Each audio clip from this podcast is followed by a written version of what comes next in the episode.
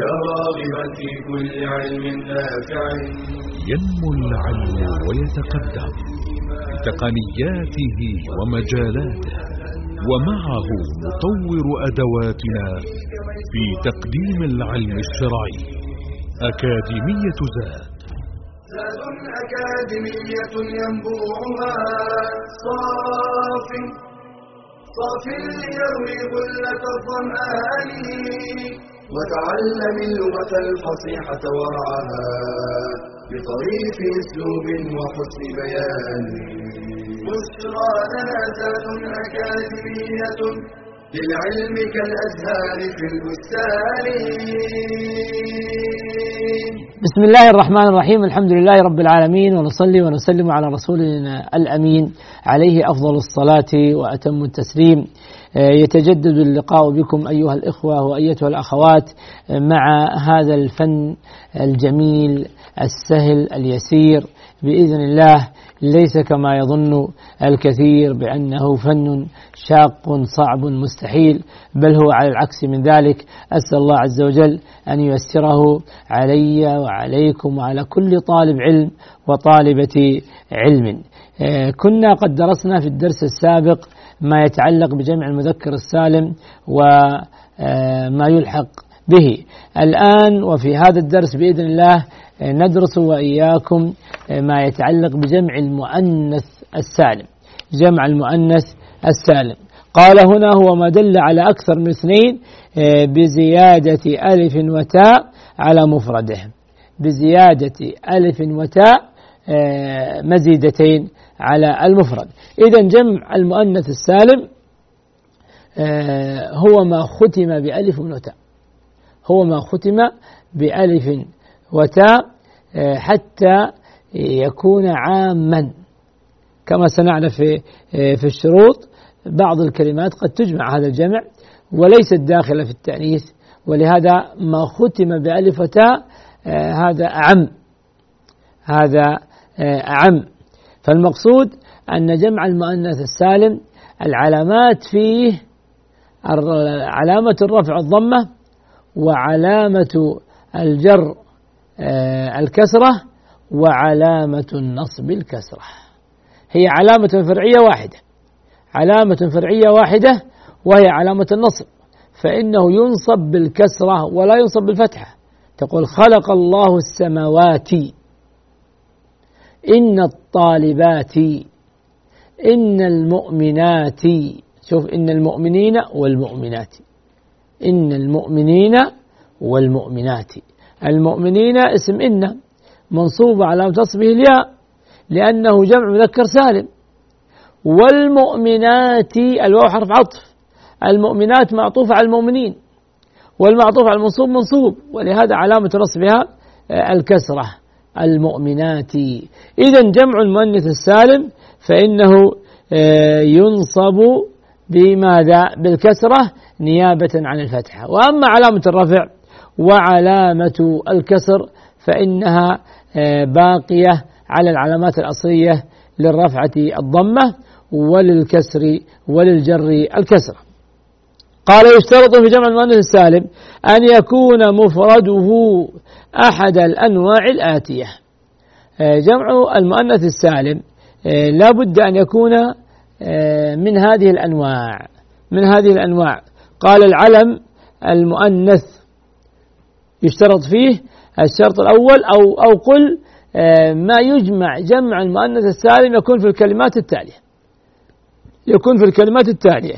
الكلمة الأولى العلم المؤنث تأنيث المعنوية فمريم تجمع. قال على مريمات. يشترط جمع السالم أن يكون مفرده أحد أنواع الآتية العلم المؤنث تأنيثا معنويا مريم وزينب وصالحة طيب. العلم ما ختم بتاء التأنيث الزائدة. ما ختم بتاء التأنيث الزائدة. مثل عائشة وصالحة وشجرة أيضا ما كان صفة لمؤنث مختوم بالتاء مرضعة مرضعات ونحو ذلك. أما إذا إذا لم يكن مختوما بالتاء مثل حائض حوائض حامل حوامل أيضا طالق طوالق فيكون مختوما بالتاء المربوطة لكي يجمع جمع المؤنث السالم. ما كان صفة لمذكر غير عاقل. صفة لمذكر لكن هذا مذكر غير عاقل. مثل شاهق ومثل سابق ومثل شامخ.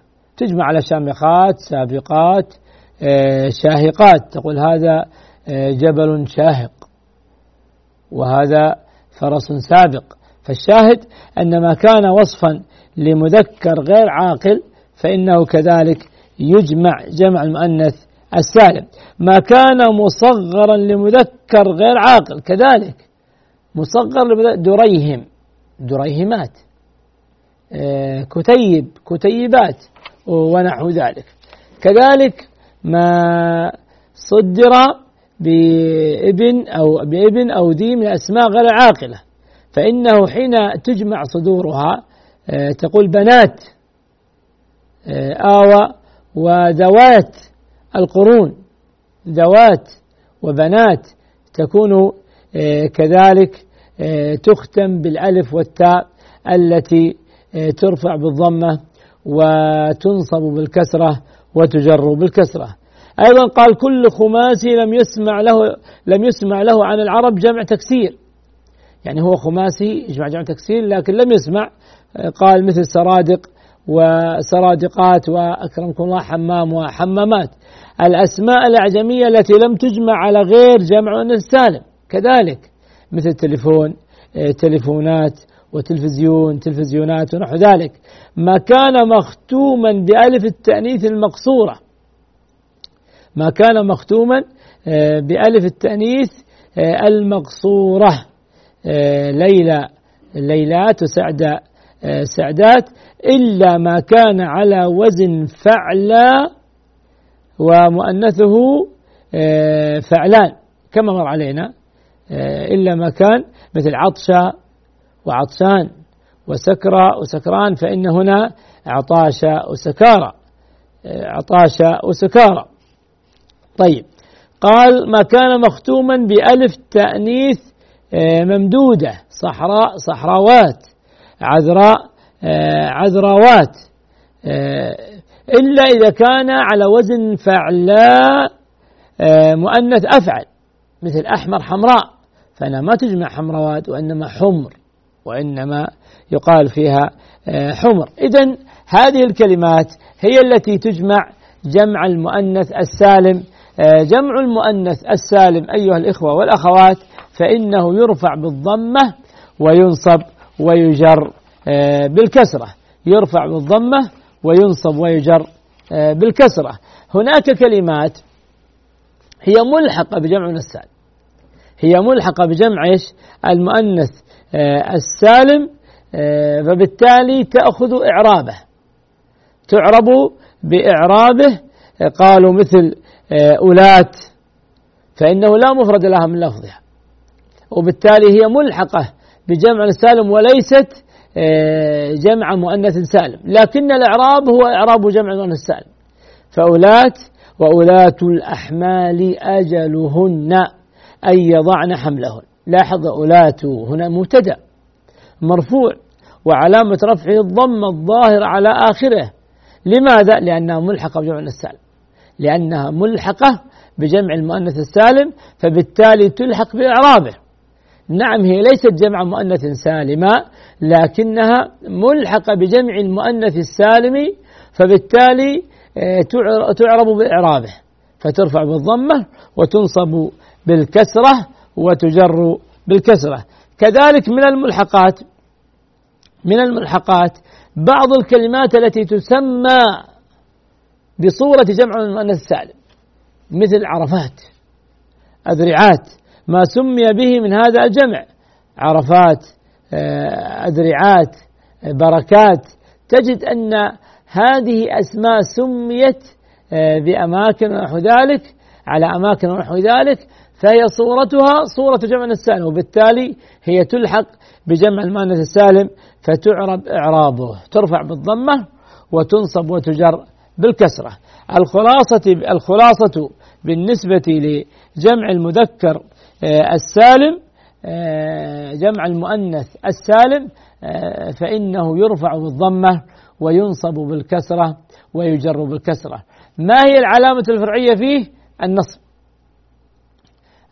ما هو الإعراب الذي يعرب بعلامة فرعية في جمع السالم هو النصب والعلامة الفرعية هي الكسرة نيابة عن الفتحة فجمع المؤنث السالم ينصب بالكسرة.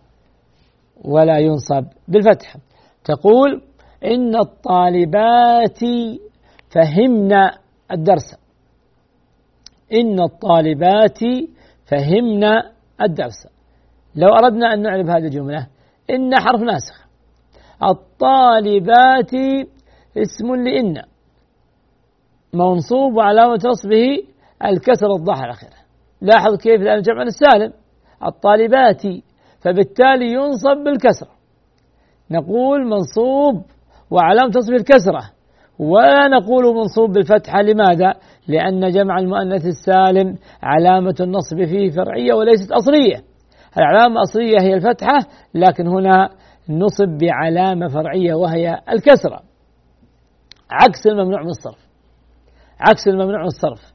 الممنوع من الصرف فيه فتحتان في حالة النصب في حالة الجر ولا توجد في كسرة. وجمع السالم فيه كسرتان في حالة النصب في حالة الجر ولا توجد في فتح. وإنما في الرفع يشتركان. كلاهما يرفع بالضمة. الممنوع من الصرف وجمع المؤنث السالم. لكن آه، يختلفان في العلامة الفرعية الأخرى. الممنوع الصرف يختلف في علامة الجر يجر بفتحة والممنوع الصرف يختلف في علامة النصب ينصب بالكسرة ينصب بالكسرة. آه نعم. ثم هنا تحدث أتى ببعض الأمثلة ممكن نقف معها قبل أن نشرع في جمع آه، التكسير. قبل أن نشرع في جمع التكسير. أمثلة على آه، جمع المؤنث السالم. فاستفتهم ألربك البنات ولهم البنون آه، ألربك البنات يعني البنات لربك فهذا خبر مقدم ومبتدأ مؤخر يعني البنات كائنة لربك البنات مستقرة لربك فالبنات مرفوع وعلامة رفع الضمة الظاهرة على آخره. نعم. فهذا ما يتعلق بجمع المؤنث آه، السالم. ندخل بعد ذلك ونلج في آخر نوع من أنواع الجموع وهو جمع التكسير. وهو جمع التكسير آه، آه، وسمي بجمع التكسير لأنه لم يسلم مفرده. جمع المذكر السالم سلم مفرده. جمع المؤنث السالم سلم مفرده. لكن جمع التكسير لم يسلم مفرده ولهذا سمي بهذا الاسم جمع التكسير. سمي بهذا الاسم جمع التكسير لأنه لم يسلم فيه المفرد وكما سنعرف بإذن الله بأن المفرد حصل له تغيير. هذا التغيير هو المقصود بالتكسير. يعني هذا التغيير في المفرد وفي بنية المفرد هو المقصود بالتكسير ولهذا سمي جمع تكسير. سمي جمع تكسير. قال ما دل على أكثر من اثنين وتغيرت صورة مفرده. هذا المقصود. ما دل على أكثر من اثنين وتغيرت صورة مفرده. نحو كتاب جمعها كتب. لاحظ كتاب في ألف بعد التاء. أين ذهبت في المفرد في الجمع؟ الجمع كتب. الجمع كتب. أين ذهبت الألف؟ إذا تكسر مفرد أو ما تكسر. نعم تكسر. حصل فيه تغيير في صورته. هذا المقصود بالتكسير. ولهذا يسمى جمع تكسير. أما إذا كان كانت الكلمة تجمع بإضافة الواو والنون أو إضافة الألف والتاء دون تكسير في المفرد فهنا جمع مذكر سالم أو جمع سالم. فتقول مسلم مسلمون. مسلمة مسلمات. أضفنا الواو والنون وأضفنا ألف والتاء. فبالتالي المفرد في جمع المذكر السالم وفي جمع المؤنث السالم إنما سلم ولم يحصل فيه تغيير في صورته ولهذا يسمى جمع مذكر سالم ويسمى جمع سالم. لكن المفرد في جمع التكسير إنما تكسر تكسر فحصل له آه هذا آه التغيير في الصورة ولهذا سمي جمع آه تكسير قال نحو كتاب وكتب وقلم وأقلام وعالم وعلماء. لاحظ عالم جمعها علماء. جمعها آه، علماء. هل تغير مفرد؟ نعم تغير مفرد وبالتالي حصل له هذا آه، التكسير. نواصل إن شاء الله بعد أخذ فاصل يسير مع بقية بحث هذا الجمع جمع التكسير. جزاكم الله خيرا. والحمد لله والصلاة والسلام على رسول الله.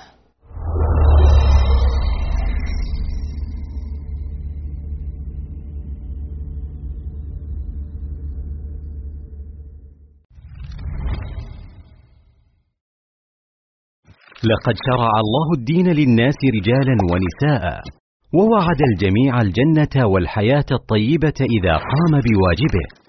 فقال تعالى من عمل صالحا من ذكر أو أنثى وهو مؤمن فلنحيينه حياة طيبة ولنجزينهم أجرهم بأحسن ما كانوا يعملون. وقد جاء الإسلام فأكرم المرأة وحملها مع الرجل مسؤولية النهوض بالمجتمع. وحسن الرعاية له. فقال عليه الصلاة والسلام كلكم راع وكلكم مسؤول عن رعيته. وقد شغلت المرأة في العهد النبوي وما بعده مكانا رفيعا بمشاركاتها العلمية والاجتماعية والتربوية وتصدر اسمها في قائمة المساهمين في بناء المجتمع وصياغة هوية الأمة والمحافظة على ثوابت الدين. ولا زال التاريخ يذكر أم المؤمنين خديجة وأم المؤمنين عائشة ونسيبة بنت كعب وأم حرام بنت ملحان وحفصة بنت سيرين وفاطمة بنت عبد الملك وزبيدة بنت جعفر وغيرهن رضي الله عنهن ورحمهن. ومن هنا كان للمرأة المسلمة دورها المهم والخطير في صياغة المجتمع. مما أكسبها قيمة واعتبارا واحتراما لا مثيل له في المجتمعات الأخرى كما اعترف بذلك المنصفون من الغربيين وبأنهم إنما تعلموا احترام المرأة من مسلمي الأندلس. يقول المفكر الفرنسي مارسيل بويزارد إن الشعراء من المسلمين هم الذين علموا مسيحي أوروبا عبر أسبانيا احترام المرأة. فللمرأة على ثغر الحياة الزوجية أثر خطير.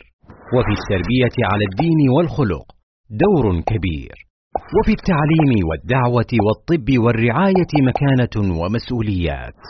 وقيام المرأة المسلمة بهذا وغيره له أثره الإيجابي في إصلاح المجتمع كله أسرا وأفرادا.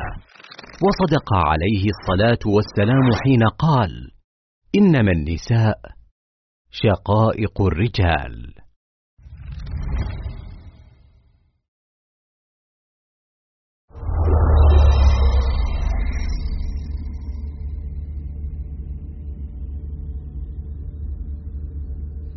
بسم الله الرحمن الرحيم. الحمد لله رب العالمين ونصلي ونسلم على رسولنا الأمين عليه أفضل الصلاة وأتم التسليم. أه تحدثنا قبل أخذ هذا الفاصل اليسير عن جمع التكسير.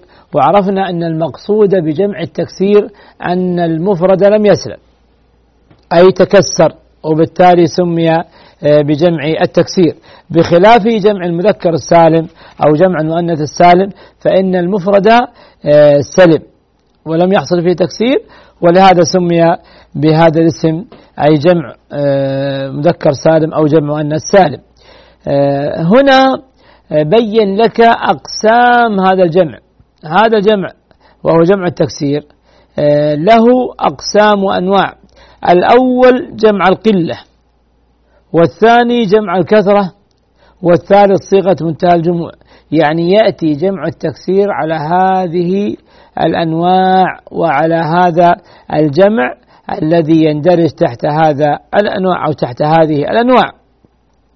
فقال أول جمع قلة ويكون العدد قليل من ثلاثة إلى عشرة. فيأتي على أوزان منها آه، أفعل يعني أحرف آه، أفعال مثل أجداد كلها جمع تكسير آه، أفعلة أزمنة فعلة فتية فتية وهو سكون العين. النوع الثاني الذي يأتي على صورة الجمع التكسير أو آه، جمع الكثرة. وجمع الكثرة للعدد الكثير آه، تجاوز العشرة. قلنا جمع القلة من ثلاثة إلى عشرة. أما إذا تجاوز العشرة من إحدى آه، عشر أو من أحد عشر فإنه إلى ما فوق ذلك فإنه يكون جمع كثرة. فإنه يكون جمع كثرة. قال للعدد الكثير من أحد عشر إلى ما لا نهاية إلى ما لا نهاية. آه، طيب. آه، أيضا آه، يأتي على وزن فعل جمع الكثرة له أوزان كثيرة. من ضمن أوزانه أن يأتي على وزن فعل وفعل وفعل وفعل وفعله. هذه أوزان أربعة. من ضمن ما يقارب آه، سبعة عشر وزنا سبعة عشر وزنا. فمثلا فعل آه، كلمة بكم على وزن فعل. إذا بكم جمع تكسير. آه، أيضا فعل أيضا فعل رسل كتب أيضا هذه جمع تكسير.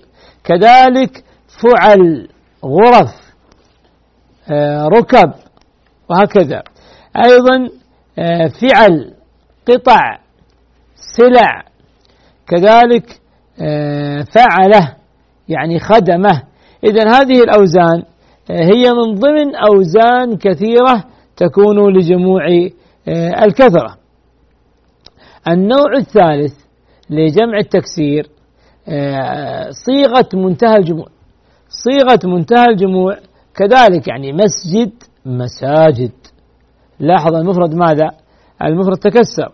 وهو كل جمع بعد ألف تكسيره حرفان. بعد ألف تكسيره حرفان أو ثلاثة وسطها ساكن. فصيغة منتهى الجموع يأتي على هذا الوزن وهذا الوصف الذي ضبط بعد ألف آه، تكسيره ألف التكسير التي فيه يأتي بعدها حرفان أو ثلاثة. يأتي بعدها حرفان أو ثلاثة. مثلا آه، مساجد بعد ألف تكسيره حرفان. ولهذا قال كل جمع بعد ألف تكسيره حرفان أو ثلاثة. فمساجد بعد ألف حرفان. مصابيح بعد ألف ثلاثة أحرف. آه، كذلك مدارس حرفان. قناديل ثلاث أحرف. فإذا جمع صيغة منتهى الجموع آه، هو الذي يأتي بعد ألف تكسير حرفان أو ثلاثة ووسطها إيش؟ آه، ساكن. إذا هذا آه، نوع من أنواع ما يجمع عليه جمع التكسير وهو ما كان على صيغة منتهى الجموع أو كان على جمع الكثرة أو كان على جمع القلة. استخرج يقول هنا آه، المفرد والمثنى والجمع. طيب كلتا الجنتين آتت أكلها ولم تظلم منه شيئا آه، وفجرنا خلالهما نهرا. طيب. هنا نريد أن نعرب الجمع. ناخذ آية أخرى فيها جمع. والقواعد. من النساء والقواعد من النساء القواعد. جمع آه، قاعدة. فهذا جمع تكسير. هذا جمع تكسير آه، مرفوع وعلامة رفعه الضمة. جمع التكسير آه، علامة الإعراب فيه الرفع الضمة والنصب الفتحة والجر الكسرة. يعني ليست فيه علامات فرعية. إلا إذا كان ممنوعا من الصرف. إلا إذا كان ممنوعا من الصرف. فإنه يجرب الفتحة فتصبح هذه علامة فرعية في حالة الجر إذا كانت الكلمة ممنوعة آه، من الصرف. القواعد مبتدا مرفوع علامة رفع الضمة الظاهرة على آخرها. طيب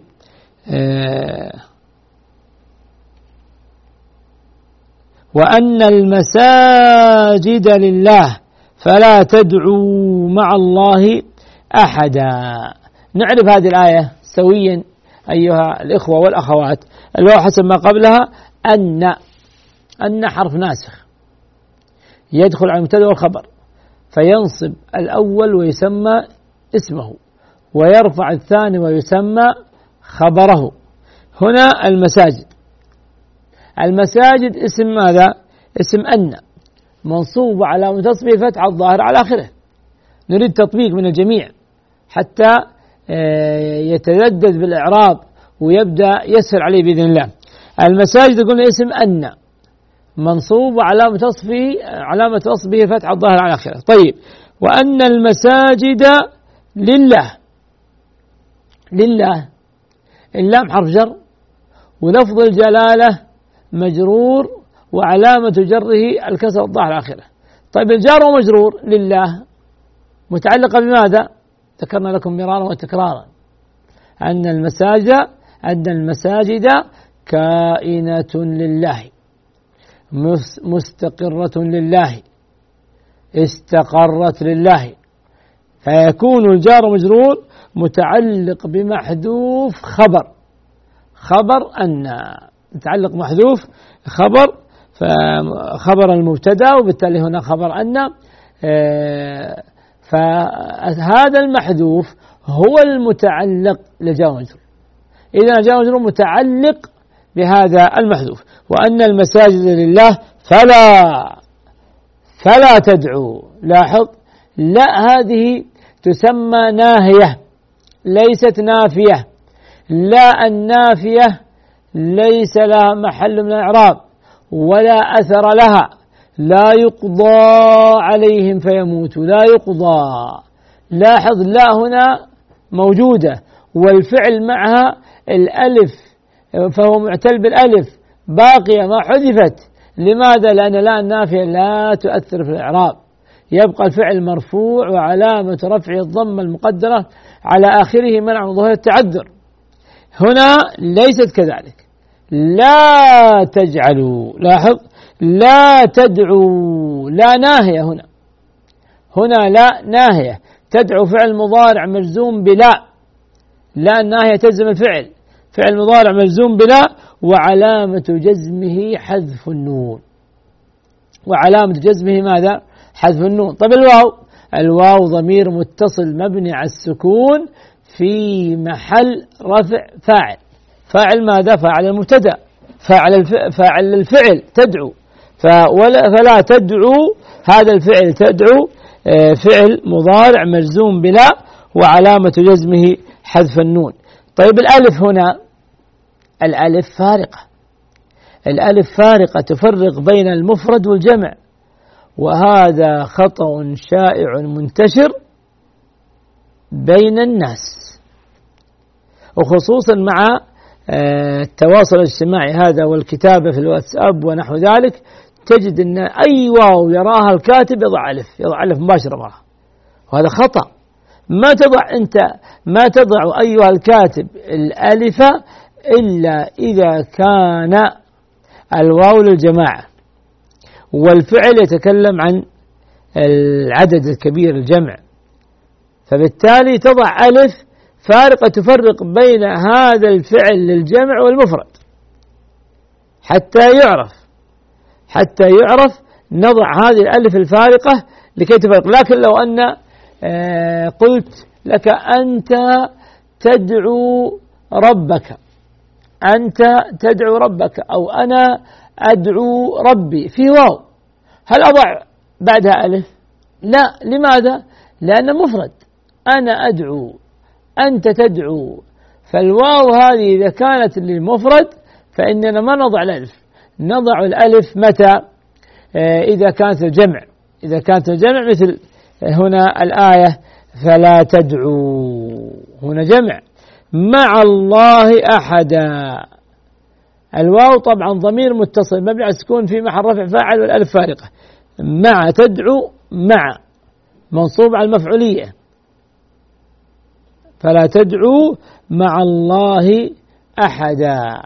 وهو مضاف ولفظ الجلالة مضاف إليه. مجرور وعلامة جره ماذا؟ الكسرة الظاهر على آخره. أحدا مفعول به لتدعو. فلا تدعو أحدا مع الله. أو قل مع ظرفية الفعل ما ينصب عليها مباشرة. فلا تدعو أحدا مع الله. يعني فلا تدعو أحدا كائنا مع الله. فلا تدعو أحدا مستقرا مع الله. فيصبح الظرف هنا مع متعلق بمحذوف. متعلق بمحذوف صفة للمفعول أحدا. أتدعو أحدا كائنا مع الله. فجمع التكسير آه، هو الذي يرفع بالضمة وينصب ويجر آه، بالفتحة. يرفع بالضمة وينصب آه، بالفتحة ويجر بالكسرة إلا إذا كان ممنوعا من الصرف. فإنه والحالة كذلك يجر بالفتحة مثل المساجد مثل المدارس هي جمع تكسير لكنها ممنوعة من الصرف. فبالتالي علامة جرها الفتحة وليست الكسرة. علامة جرها الفتحة وليس الكسرة وتبقى الكسرة علامة آه، تبقى الفتحة علامة نصب. والضمة علامة رفع. آه، نأخذ فاصلا يسيرا آه، ثم نعود إليكم بإذن الله.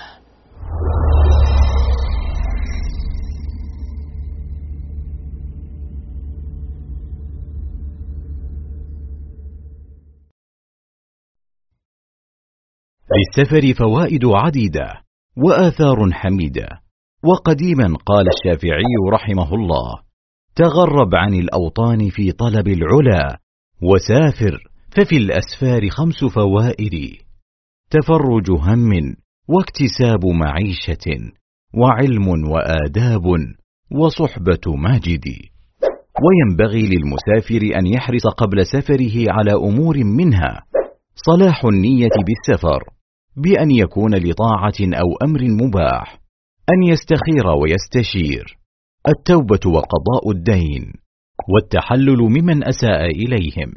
ألا ينسى نفقة أهله أن يختار الرفقة الصالحة في السفر أن يودع أهله وجيرانه وأصدقاءه ويستحب السفر يوم الخميس إن تيسر له وأن يبكر في الخروج لأنه صلى الله عليه وسلم كان يحب أن يخرج يوم الخميس وقد دعا لأمته بالبركة في بكورها. ويبتدئ بدعاء السفر عند ركوبه وسيلة سفره من سيارة وطائرة وغيرها. فعن ابن عمر رضي الله عنهما أن رسول الله صلى الله عليه وسلم كان إذا استوى على بعيره خارجا إلى سفر كبر ثلاثة ثم قال سبحان الذي سخر لنا هذا وما كنا له مقرنين وإنا إلى ربنا لمنقلبون. اللهم إنا نسألك في سفرنا هذا البر والتقوى ومن العمل ما ترضى. اللهم هون علينا سفرنا هذا واطوي عنا بعده. اللهم أنت الصاحب في السفر والخليفة في الأهل. اللهم إني أعوذ بك من وعثاء السفر وكآبة المنظر وسوء المنقلب في المال والأهل. كما يستحب له السرى وهو سير المسافر آخر الليل لقوله عليه الصلاة والسلام عليكم بالدلجة فإن الأرض تطوى بالليل وينبغي أن يكون الذكر صاحبا له وانيسا والدعاء قرينا له وسميرا فهو مظنة الإجابة. وإذا أشرف على قرية أو بلدة دعا قائلا اللهم إني أسألك خيرها وخير أهلها وخير ما فيها وأعوذ بك من شرها وشر أهلها وشر ما فيها. وإن نزل منزلا دعا وقال أعوذ بكلمات الله التامات من شر ما خلق فإنه لا يضره شيء حتى يرتحل من منزله ذلك. وينبغي للمسافر أن يحرص على الأذان والإقامة والإتيان برخص السفر كقصر الصلاة الرباعية ركعتين وكذا الجمع إذا كان سائرا. فإن كان نازلا في مكان فالأفضل الصلاة على وقتها قصرا ويجوز له الجمع ويستحب له ألا يطيل في السفر وأن يعجل إلى أهله إذا قضى حاجته.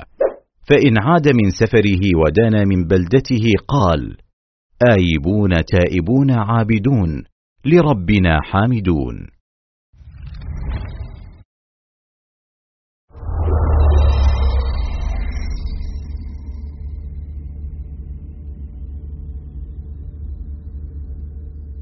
بسم الله الرحمن الرحيم الحمد لله رب العالمين ونصلي ونسلم على رسولنا الأمين عليه أفضل الصلاة وأتم التسليم. آه، كنا وإياكم مع قول الله تعالى وأن المساجد لله فلا تدعوا مع الله أحدا.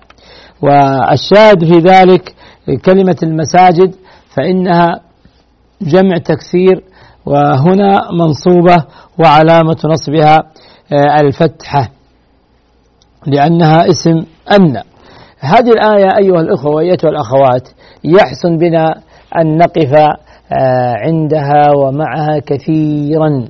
وهذه الآية في الحقيقة هي آه، ميزان آه، عظيم كبير لنوع من أنواع التوحيد التي هي موجودة في ديننا وهو توحيد الألوهية. بل هذا التوحيد هو أساس بعثة الرسل من قبل الله عز وجل. ولقد بعثنا في كل أمة رسولا أن اعبدوا الله واجتنبوا الطاغوت. بل سبب وجودنا في هذه الحياة هو هذا التوحيد. وما خلقت الجن والإنس إلا ليعبدون. ما خلقنا ما خلقنا الله عز وجل إلا لتحقيق هذا التوحيد تحقيق هذه العبودية. فالله عز وجل هنا يقول فلا تدعوا مع الله أحدا. ومن قواعد البيان أن النكرة إذا سبقت بنهي تفيد العموم. أي فلا تدعو مع الله أحدا كائنا من كان. كائنا من كان ولو كان نبيا مرسلا. ولو كان ملكا مقربا فضلا عن غيرهم.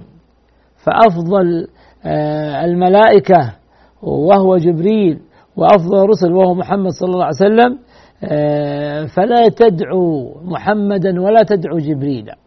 فضلا عن غيرهم فدعاء غير الله عز وجل هذا هو الشرك.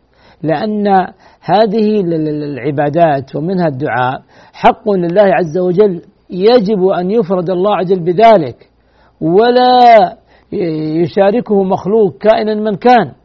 مجرد أن أن تشارك آه، مخلوقا مع الخالق في مثل هذه التي يستحقها الخالق فأنت ساويت هذا المخلوق بالخالق وهذا هو الشرك. ما حقيقة الشرك أيها الأخوة والأخوات؟ أن تساوي غير الله بالله فيما يستحق الله عز وجل. ولهذا انظر يوم القيامة ماذا يقول المشركون في النار لمن أشركوا بهم؟ تالله إن كنا لفي ضلال مبين إذ نسويكم برب العالمين. فعندما ساووا غير الله بالله فيما يستحقه الله حصل الشرك. حصل الشرك مباشرة. فإذا صرفت شيئا يستحقه الله فجعلته لمخلوق. إذا ساويت هذا المخلوق بالخالق فصرفت له ما يستحق الخالق. من دعاء للأسف الشديد الآن تجد آه، كثيرا من الناس يأتي عند القبر فيدعو صاحب القبر. ويستغيث بصاحب القبر. هذه عبادة إذا صرفتها لغير الله وقعت في الشرك. فالعبادة منها الدعاء منها النذر منها الاستغاثة منها الذبح. كل هذه يجب أن تصرف لله عز وجل. فإذا صرفت لغير الله حصل الشرك. ولهذا هنا الله يقول فلا تدعوا مع الله أحدا. كائنا من كان. كان آه، بشرا كان ملكا كان جنا كان حجرا صنما آه، شمسا قمرا. كل المعبودات التي تعبد من دون الله كل الآلهة التي وجدت آه، على الكرة الأرضية وعبدها آه، خلق من خلق الله عز وجل كل هذه العبادات إنما تعبد بباطل.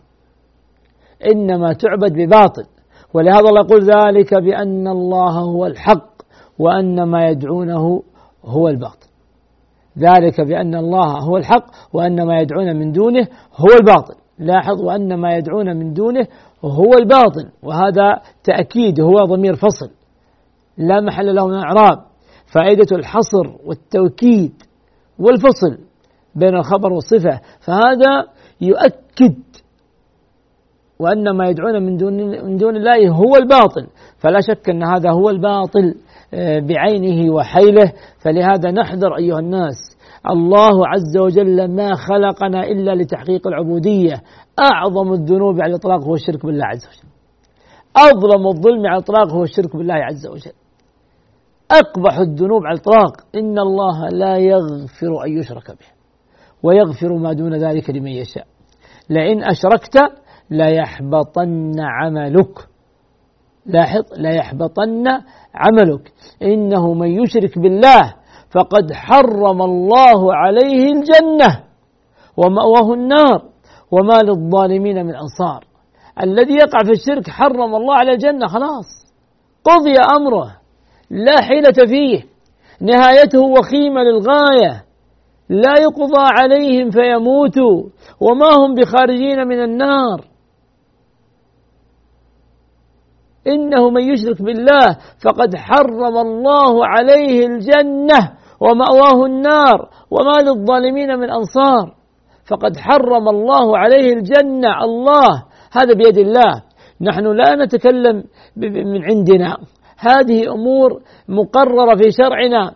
الله عز وجل تحدث آه، عنها في هذه الآيات الكثيرة العظيمة مبينا لنا أن الخلل الكبير العظيم الذي قد يقع فيه بعض الناس في هذه المسائل إنما يخرجهم من الدين يخرجهم من الملة. الأمر جلل الأمر عظيم. ولهذا لا يصرف شيء يستحقه الله عز وجل إلا له. لا يصرف المخلوق كائن المكان. تنظر إلى بعض القنوات للأسف الشديد تأتي بصورة القبور وكيف الناس عندها ويأتي الإنسان من مسافة وهو يزحف على الأرض. ما الذي وقر في قلبه؟ الإجلال والهيبة لهذا القبر. هذا الذي وقع في قلبه هو الشرك. لماذا؟ لأنه جعله مثل الله سواه بالله. فصرف له هذا الإجلال وهذه الرهبة وهذا الخوف. ولهذا نقول فلا تخافوهم وخافوني إن كنتم مؤمنين. المحبة ومن الناس من يتخذ من دون الله أندادا يحبونهم كحب الله. لاحظ هم يحبون الله لكن يحبون هؤلاء الأنداد مثل حب الله. إذا ساووا غير الله بالله فحصل الشرك. هذا الأمر خطير للغاية عظيم للغاية. يموت الإنسان على الشرك للأسف هذا التوحيد ما تجد من يتحدث عنه إلا أهل السنة. أهل السنة هم الذين يتحدثون عن هذا التوحيد. وهذا التوحيد كما أشرت هو الذي بعثت من أجله الرسل وخلق الله البشرية من أجله من, من أجل تحقيق هذا التوحيد. هذا التوحيد يتحدث عنه أهل السنة والجماعة. موجود مبثوث. عندهم بناء على النصوص الكثيرة المستفيضة التي تتحدث عنه ولهذا التوحيد العظيم التوحيد الذي من أجله وجدنا وخلقنا هو توحيد العبودية هو توحيد الألوهية. هذا التوحيد الذي إذا حققته فإنه آه، تضمن توحيد الربوبية. لكنك قد تحقق توحيد الربوبية ولا يتحقق عندك توحيد الألوهية. قد تعتقد بأن الله هو الرازق هو المحيي هو المميت هو المدبر وهذا كان موجود عند كفار قريش. ما نفعهم. ولئن سألتهم آه، من خلقهم لا يقولون الله. فهم يعرفون أن الله هو الخالق أن الله هو الرازق أن الله هو المحيي أن الله هو المميت. لكن هل هذا نفعهم؟ وما يؤمن أكثرهم بالله إلا وهم مشركون. هؤلاء مشركون. ولهذا الحديث عن توحيد الربوبية دون توحيد الألوهية. هذا هو الخلل. إنما يتحدث عن هذا وهذا. لكن التوحيد الذي خلقنا من أجله هو توحيد الألوهية. ولهذا توحيد الألوهية يتضمن توحيد الربوبية.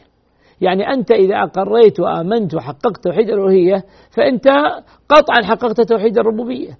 لكن توحيد لكن توحيد الربوبية يستلزم توحيد الألوهية. يعني يجب عليك يلزمك. إذا كنت تعتقد أن الله هو الخالق أن الله هو الرازق أن الله هو المحيي يلزمك أن تعبده. كيف تعتقد أنه هو الخالق وتعبد صنما؟ كيف تعتقد أن الله هو الخالق وتعبد حجرا؟ كيف تعتقد أن الله هو الخالق وتذهب إلى القبر فتستغيث به؟ أنت تعبد هذا القبر. ومهما أتيت من من من مسائل وشبهات فإنها ضعيفة لا قيمة لها.